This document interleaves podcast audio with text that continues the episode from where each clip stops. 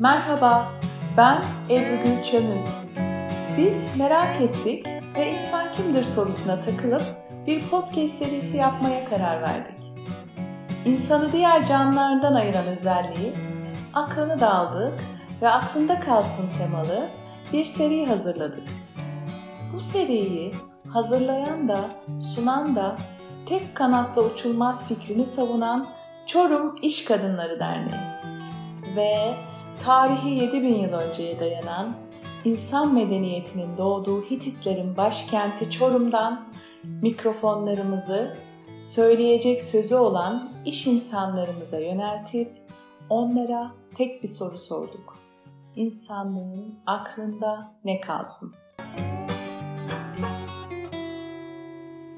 Kadınların sosyoekonomik statülerini yukarıya çekmek için bir dizi farkındalık çalışmaları yapıyor. Dijital sohbetler de bunlardan biri. E, Saadet Büyük'ü de biz yakından takip ediyoruz. Severek, coşkuyla böyle nasıl anlatayım? Keyif ala ala ekonomi dinlenir mi? Gülerek dinlenir mi? Onu Saadet Büyük'te yaşıyoruz biz kırmadı.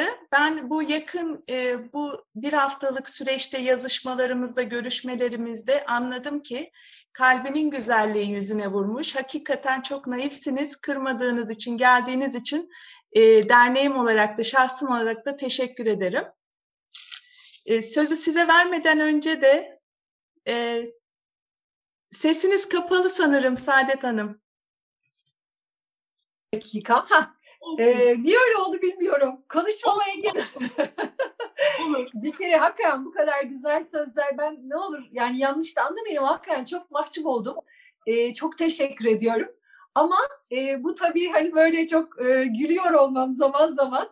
E, bazen böyle hani işte ekonomi böyle de gülerek anlatılıyor muymuş e, serzenişlerine sebep olsa da e, başka bir şey yapmaya çalışıyorum ama bu benim hayata bakışımdan gelen bir duruş. Bunu evet. doğru anladığınız için, üstelik uzaktan takip ederek böyle doğru anladığınız için ben hakikaten bütün kalbime çok teşekkür ediyorum. Ee, böyle kadınlar eğer biz, biz bizler birbirimizi doğru anlarsak e, dünyayı değiştirebiliriz. O kadar da çok inanıyorum. Hakikaten çok teşekkür ediyorum. Sözü daha fazla bölmüş olmayayım.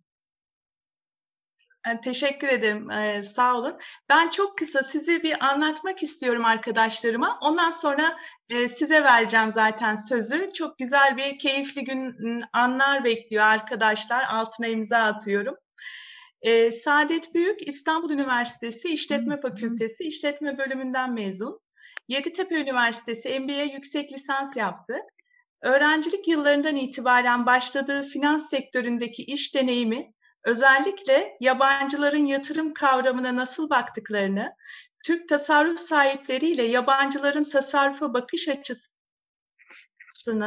hangi noktalarda ayrıştığını anlamasını sağladı. 2001 yılından itibaren finans sektörünün öncü banka ve kurumlarında e, Saadet Büyük özellikle Bank Europo, Citibank olmak üzere finans sektöründe uzun yıllardır bir ses açık sanırım.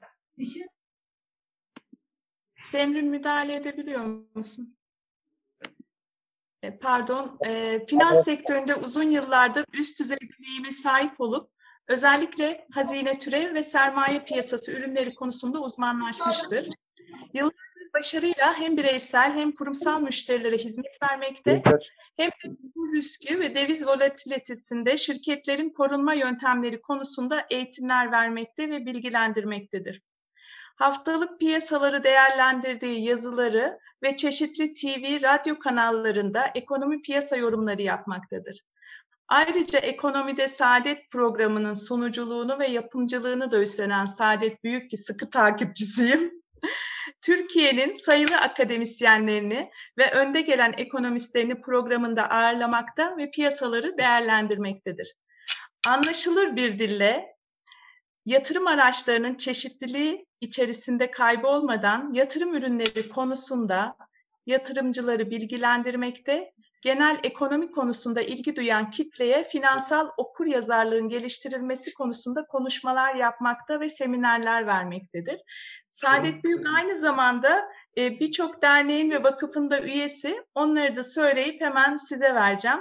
Türkiye Finans Yöneticileri Vakfı, Çağdaş Yaşamı Destekleme Derneği, Ekonomi Gazetecileri Derneği ve Türkiye Futbol Vakfı Yönetim Kurulu üyesidir. Teşekkür ediyorum dinlediğiniz için. Saadet Hanım size bırakıyorum. Keyifle sizi dinliyoruz.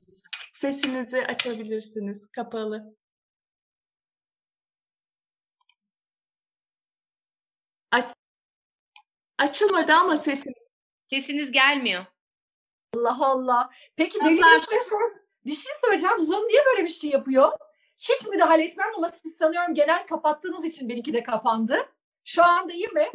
Evet. Muhtemelen.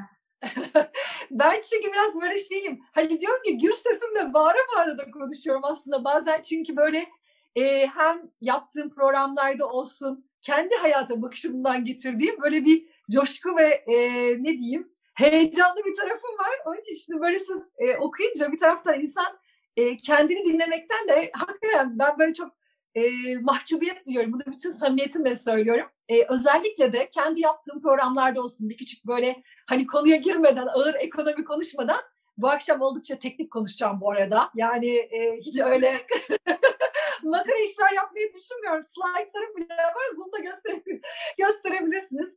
E, şöyle aslında e, benim bu hani ekonomide saadet daha evvel televizyondaki programım sonra işte korona süreciyle beraber Instagram canlı yayınları ve YouTube tarafındaki e, yayınlarım aslında biraz böyle hani o e, kadınların ilgisini e, çekiyor olması biraz daha özellikle kendi konuşma dilimde de o çok ekonominin jargonlarına ve terminolojisine çok girmeden e, özellikle buna dikkat ederek konuşuyor olmam belki birazcık daha ilgi uyandırdı diye düşünüyorum.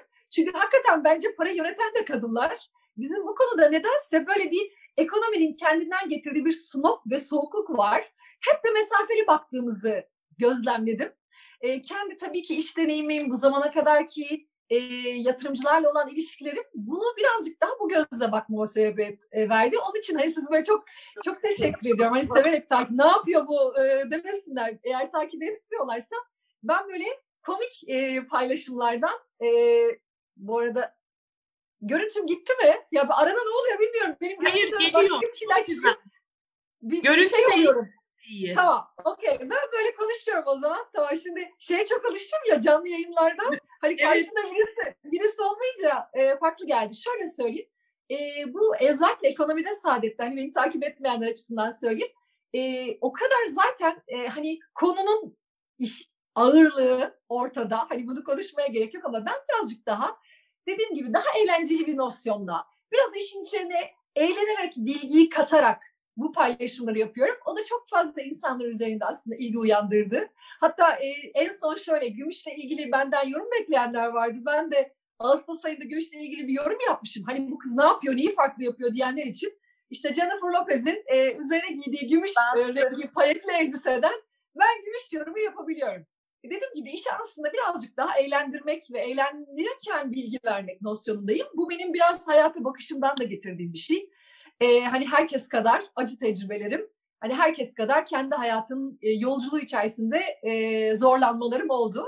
Aslında hepimizin birçoğumuzun yaşadığı konular.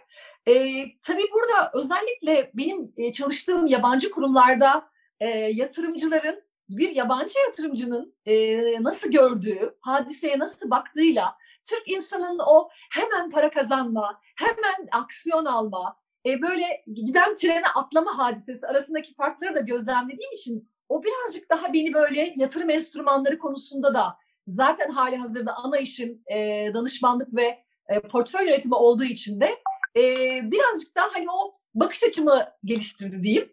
E, şimdi şöyle bugün böyle acaba hani hangi başlıklarda konuşalım derken biraz tabii 2021 ile ilgili aslında bizi dinleyenlere bilgi vermek istiyorum. Birçok kişi hani burada e, sıkarak değil yine e, naçizane eğer e, sorular olursa da e, son kısımda yine kafalarındaki soru işaretleri nelerse bilgim kadar tabii ki onları cevaplandırmak isterim. E, bu biraz tabii kendime e, anlatma girizgahı oldu ama şimdi biz aslında e, hepimizin de idrak ettiği gibi çok net bildiğimiz bir şey var. Ve e, biz 2021'de e, dijital çağın ilk yıllarıyız. Bence hani bir tarih kitaplarında geçecek bir dönem olarak anlatılacaksa nasıl bir sanayi devrimi işte o 18. 19. yüzyıllar için anlatılan bir başlıksa işte bundan 100 yıl sonra e, kitaplarda da denilecek ki 2020 ile dijital devrim başladı. Dolayısıyla e, dijitalleşmenin artık tamamen hani bir tercih değil, zorunluluk olarak hayatımızın orta noktasına olduğu, e, zaten hali hazırda şu andaki tecrübemizden de yola çıkarak böyle bir e, dönem var. Bunun tabii ki birçok e, sektöre ve birçok e, başlığa etkisi var. E, burada tabii hani sanayi alanında, tarım alanında, eğitim alanında birçok farklılığı beraberinde getirecek bir e, dönem olarak okunması gerektiğini düşünüyorum 2021'in. Ama ekonomik taraftan baktığımızda ben tabii e, 2021'in sene başından beri böyle hangi yatırım araçları öne çıkar gibi başlıklarda yayınlar da yaptım. E, 2020'deki kendi netliğimle 2021'i kendi içimde mukayese ettim ekonomik tarafta. Ee, orada mesela çok net bildiğim, ben tabii farklı televizyonlarda, ekonomi kanallarında yorum da yaptığım için e, özellikle 2020 başında çıktığım yayınlarda çok net, hani bildiğim e, dolar TL tarafında hani şu anda hepimizin e, eminim e, şöyle söyleyeyim, hepimizin en çok merak ettiği konu doların nereye gideceği. Ama o zaman 2020 sene başında Ocak-Şubat ayında çıktığım yayınlarda ben hep dolar kurulu ilgili çok net bildiğim bir şey vardı. Evet seviye vermiyordum belki ama e, yapılan yanlışların faturasının önümüze geleceği çok aşikar bir dönem olacaktı 2020. Bunun için de hani bu e, sene başında özellikle 2020'nin sene başında bana sordukları zaman ben çok net işte dolarda kalınmalı, altında kalınmalı. Özellikle beni böyle takip edenler altına olan sevgimden dolayı da çok ilgiyle takip ediyor. Biz kadınlar biliyorsunuz ya böyle hem e, Türklerin genetiğinde var bence bir gayrimenkul iki altına yatırım yapmak. Dolayısıyla e, o zaman hem altına hem de dolar TL'yi çok öne çıkarıyordum. Şimdi burada birazcık e, Türkiye ekonomisi açısından e, bir 5-10 dakikada hani neler bekliyor bizi onu top, e, toparlamak istiyorum. Sonra biraz dünyada da e, nelerin olabileceği öngörülerim olacak. Burada e, şunu göz ardı etmemek lazım. Hani dünya bizi niye ilgilendiriyor? Gerçekten e, şu anda bütün piyasalar birbirine o kadar entegre ki. Yani bugün İngiltere'yi, Fra İngiltere'yi, Frans İngiltere'yi, Avrupa'yı ya da Amerika'daki seçim sürecini takip etmeden Türkiye piyasası ilgili yorum yapmamız e, çok mümkün değil. Dolayısıyla da e, biraz tabii önce Türkiye'den başlayayım konuşmaya. 2020 özellikle bu korona süreciyle beraber e, hepimizin iş yapış modelini değiştirdiği ama ekonomik tarafta da Türkiye'nin e, daha evvel geçmişten beri getirdiği bazı yanlışların e, bizi çok daha vahim sonuçlara götürdüğü bir yıl oldu. Yani hepimizin tecrübesinde işte dolar kurunun 8.50'ye geldiğinde aslında o, o güne kadar yapılan yanlışların faturasının önümüze geldiği bir süreci yaşamış olduk. Dolar TL her zaman e, Türk e, insanında kurun yükseliyor olması bir kriz algısı yaratıyor öte taraftan ama burada özellikle yaz aylarında benim de yaptığım yayınlarda o zamanki gelen sorularda böyle şey yapıyorum. Başlıklarda bakın doların neden yükseleceğini size şey diyordum hatta böyle e, işte var. E, hepsi doların 2-3 tane başlıkta sadece gevşemesine yönelik başlıklar. Dolayısıyla o kadar fazlaydı ki riskler. Aslında bir taraftan bu bakan değişiklikleriyle beraber birazcık piyasaları soluklandıran ve bizi gerçekten ödemeler krizine götürecek bir dönemin yani bunu şöyle söyleyeyim bir uçurumun eşiğinden döndü ekonomi. E, durumun hani e, korona sürecini geçiyorum.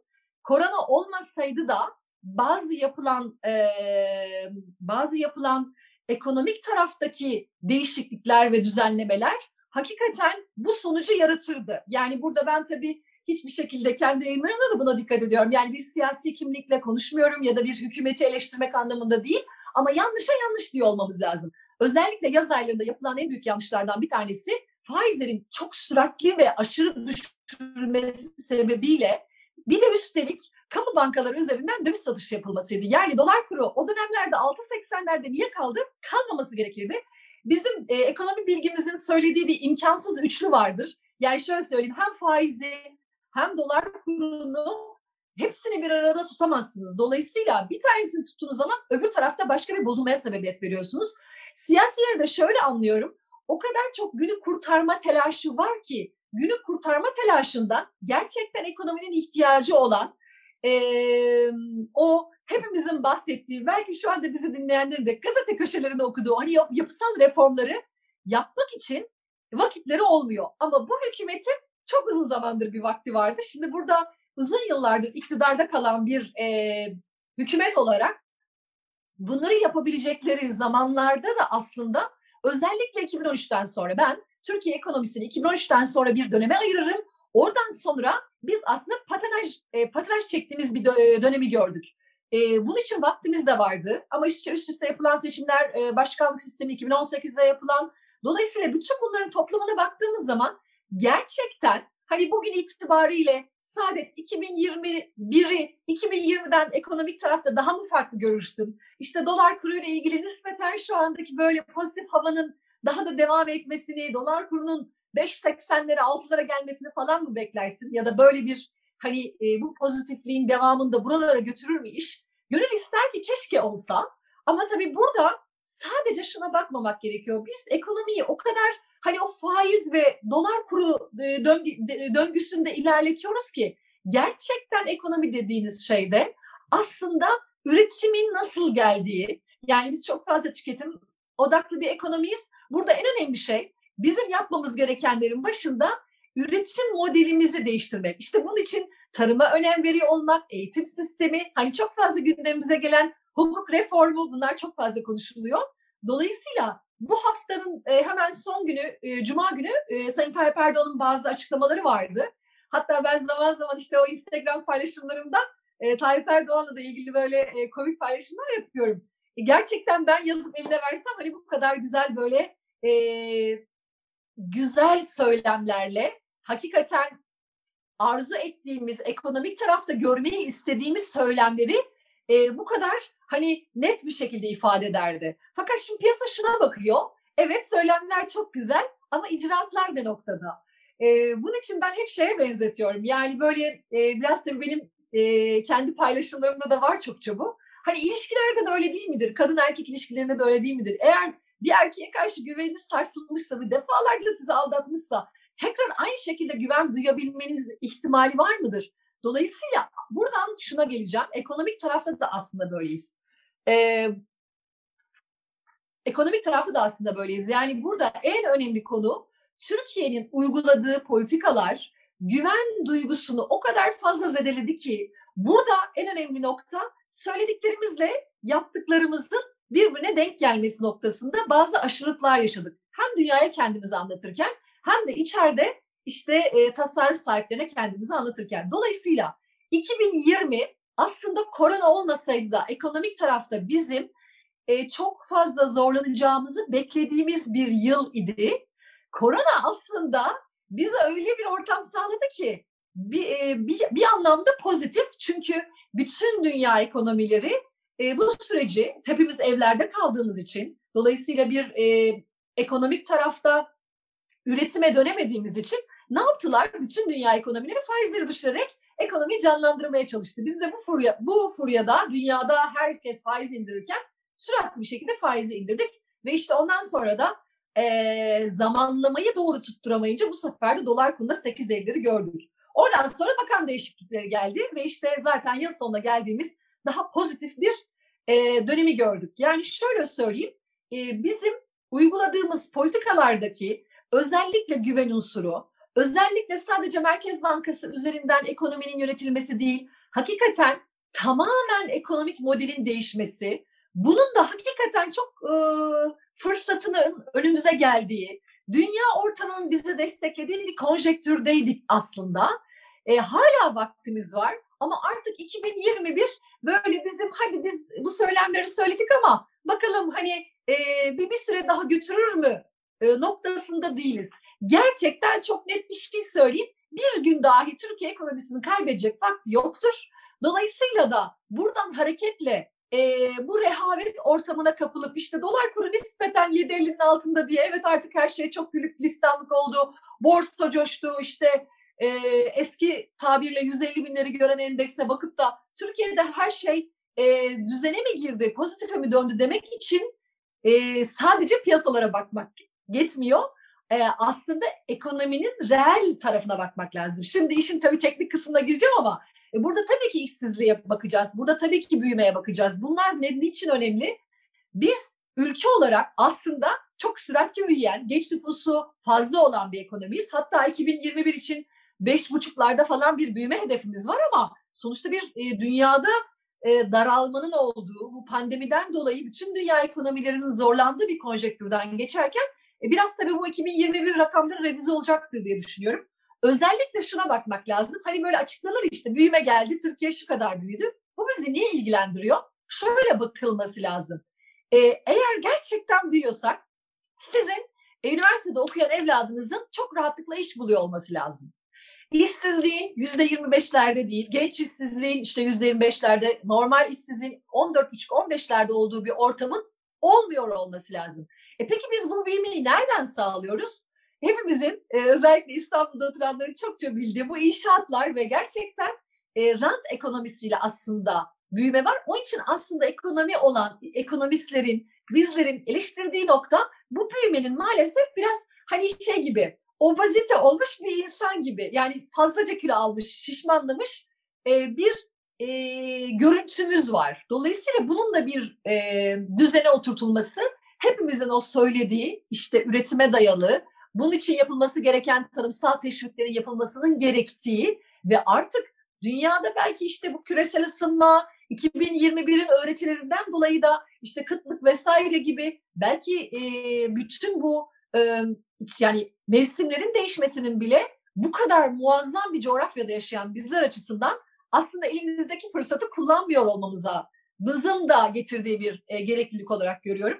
Dolayısıyla e, biraz böyle hani konuyu dağıtmadan e, şöyle söyleyeyim. 2021 aslında 2020'den çok farklı bir yıl olmamakla beraber ilk çeyrek için e, daha pozitif taraftayız. Piyasalar açısından da öyle.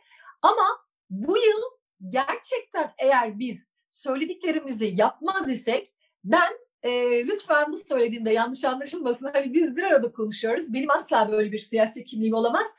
Ama bu iş başka bir yere evrilecek. Yani siyasi tarafta da ben kendi yayınlarımda zaman zaman bazı konuklar alıyorum.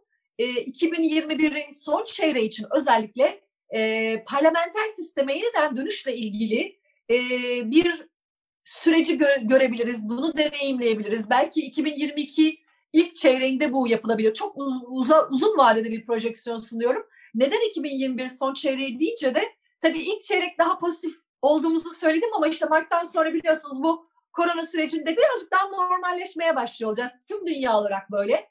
Eğer yaz ayları hakikaten pandeminin etkisini birazcık daha geçtiği, turizm gelirlerinin arttığı, döviz tarafında bizim e, rahatladığımız bir yıl olursa rahatladığımız bir e, dönem olursa daha doğrusu yaz aylarını da öyle pozitif geçiririz.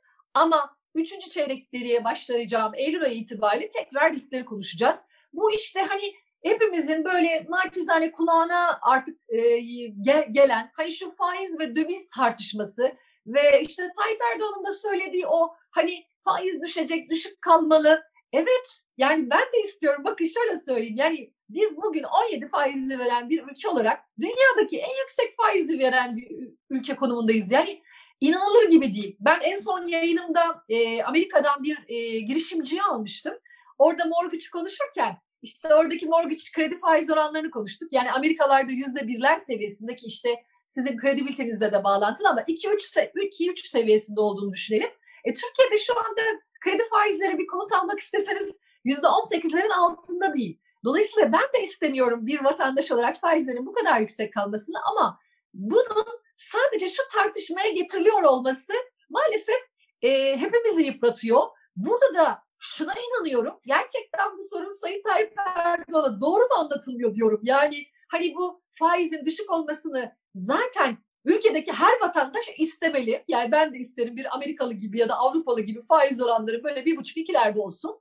Ama bunun gerekliliği için sadece Merkez Bankası politikaları yok faizi indirdi, işte faizi arttırdı. Şimdi önümüzdeki hafta yine toplantı var, yine mi faizi arttıracak? Söylemlerin dışında bizim ülke olarak e, yapmamız gereken ve bu zamana kadar birikimli olarak önümüze gelen bir fatura var. burada yapmamız gereken en önemli unsur kendimizi doğru anlatmak ve e, en önemlisi güveni tekrar tesis ediyor olmak, söylemlerle yapılanların birbiriyle örtüşüyor olması. Bu başlıklar, hani bu söylediğim üç cümle çok basit gibi gözükse de e, öyle olmadığını, e, maalesef söylediğinin tam tersini uygulayan politikaları gördüğümüzde hakikaten güvenimizin tamamen sarsıldığını işte 2020 Ekim ayında pardon Kasım'da dolar kurunun 8.50'ye gitmesinin en önemli sebeplerinden bir tanesi buydu. E, dolayısıyla böyle piyasalarla itişip kakışıp e, böyle bir politika uyguladığınız zaman bunun faturası sizin işte hepimizin gözünün kulağının e, baktığı dolar TL tarafında yaşanıyor.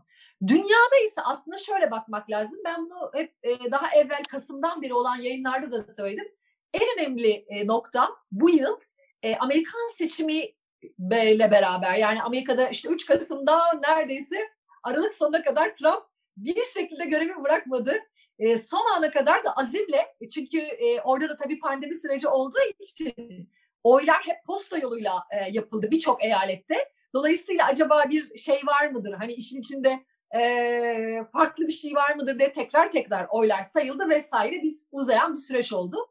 Dolayısıyla şimdi artık 2021'de bizim ekonomik tarafta baktığımız en önemli hadiselerden bir tanesi Amerika'nın yeni başkanı Biden'ın nasıl bir politika izleyeceği. Hem dünya ile ilişkilerinde hem de e, e, Türkiye ile olan ilişkilerinde. Bunu şöyle düşünelim. Hani bir şirketin patronu değişse, babasından oğluna geçiyor olsa onu oradaki yönetim de değiştirir değil mi? Biraz öyle bakmak lazım. Yani bugün artık e, Amerika küresel bir güç. Dolayısıyla Biden'la olan ilişkiler sanki biz biraz daha Trump'la böyle daha samimi ve şey bir ilişkimiz vardı. E, Tayyip Erdoğan'ın da öyle kişisel olarak iyi, daha pozitif bir ilişkisi vardı. Ama şimdi Biden'ın gelmesi daha verdiği imaj daha diplomasinin olduğu, daha kurumsal kimlikle e, bir şekilde iletişimin sağlanması noktasında. Dolayısıyla bizim için özellikle Türkiye açısından e, en önemli noktalardan bir tanesi de yaptırımlar konusuydu. Bu da bizim açımızdan 2021'de hani o ilk çeyrek pozitifle kastettiğim sonrası için neden soru işareti koyduğum noktada Amerika ile olan ilişkiler ve yaptırımlar konusu, Avrupa Birliği ile olan ilişkiler, oradaki e, Türkiye'ye ola, olası gelebilecek yaptırımlar konusu hepsi bir risk unsurudur. E, dolayısıyla çok içinizi açamadım ama şöyle söyleyeyim. E, 2021'de e, hani böyle çok şey bir e, bakış açısı da olmuş olmasın. Yani bu söylediğim insanları yönlendirmesin. Ama ben 2020'nin Mart ayında bir yazı kaleme almıştım. Ee, koronavirüsle dünya değişiyor diye eğer e, ilgilenenler olursa o ne diyordu da yazıyorum haftalık olarak ekonomiyle ilgili. Orada e, şunu söylemiştim. Bu dijitalleşme muhakkak bizim önümüze o kripto paraları, dijital dünyayı getirecek. Dolayısıyla burada hani daha biz bizeyiz diye rahat konuşuyor. Şuna sebebiyet vermesin. Hani gidip de hemen bitcoin yatırımı yapalım mı? Hayır, bunu kastetmiyorum. Ama portföyünüzde ya da bir yatırım enstrümanı olarak ve bundan sonra çokça biz dijital paraları konuşuyor olacağız. Bütün bundan sonraki süreçte kağıt paralara dokunulmayan daha dijital paraları konuştuğumuz yani belki Amerika diji doları çıkaracak. Avrupa'nın belki kendi ortak veya farklı ülkelerin dijital paraları olacak. Ama şu bir gerçeklik ki bence artık zaten e, dijit, e, şöyle söyleyeyim fiziksel olarak para basma sürecinin sonu ve tamamen dijital yeni bir düzenin, yeni bir parasal düzenin ilk dönemlerindeyiz. Böyle bakmak lazım. Onun için hani 2020 altının ve doların yılı diye kolaylıkla söylüyordum ama 2021'de dijital paraları, kripto paraları çok fazla konuşuyor olacağız. Evet. Biraz uzattım ama hayır, genel bir çerçevede e, birazcık da Türkiye özelinde hani neler olabilir? Belki soru cevapla, belki konuya olan ilgileriyle hani ben biraz bir genel perspektiften e, vermeye çalıştım. Tabii. Ama sorular doğrultusunda da hani neye ilgileri var? Nerede belki bu bilginin gerçekten kendi yaşamlarında e, kullanabilir olacaklar. Bence önemli olan o bilgiyi içselleştirmek ve e, kullanabiliyor oluyor olması. Dolayısıyla belki sorular vardır. O sorulardan yola çıkarak da ben yine naçizane bilgimi sizlerle paylaşıyor olurum. Çok teşekkür ederiz. E, şimdi siz tüm yayınlarınızda e, yatırım tavsiyesi olmadığını, e, genel bilgilendirme amaçlı olduğunu hep söylüyorsunuz zaten. E, sorusu olan varsa arkadaşlar e, Bunun nedenini de- söyleyeyim.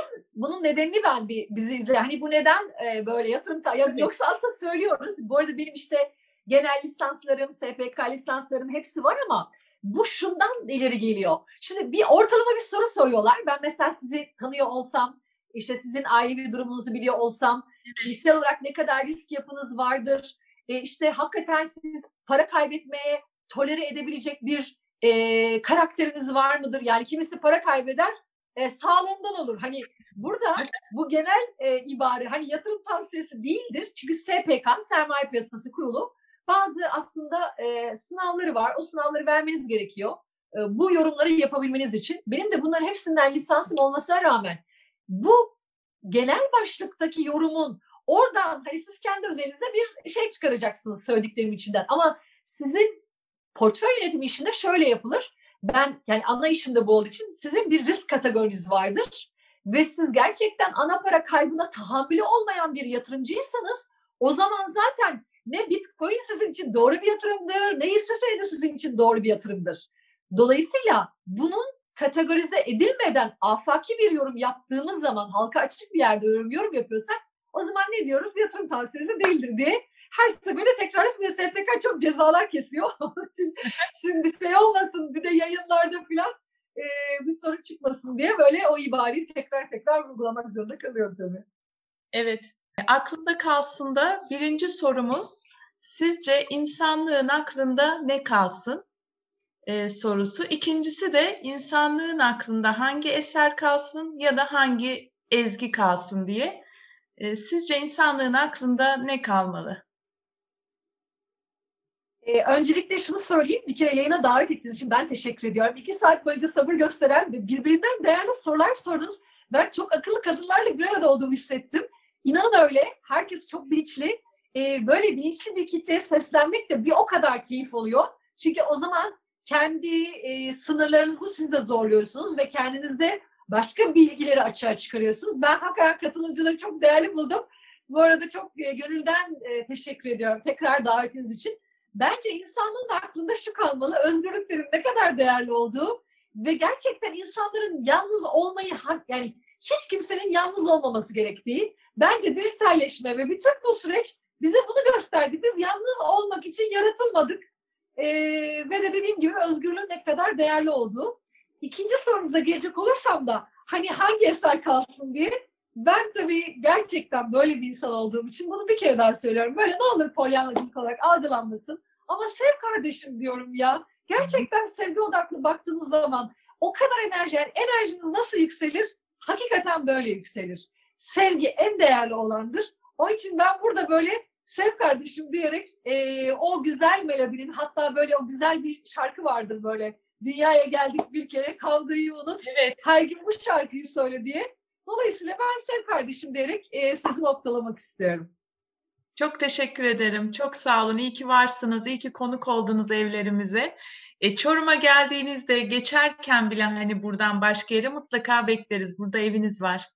Çok teşekkür ediyorum. İnşallah bakarsınız neden olmasın. İnşallah Evet. gelmek de nasip olur. Çok çok teşekkür ediyorum beni ağırladığınız için. Biz teşekkür ederiz. Çok Herkese sevgiler. davetimizi kırmayın. Teşekkür ederiz. Arkadaşlara da teşekkür ederim.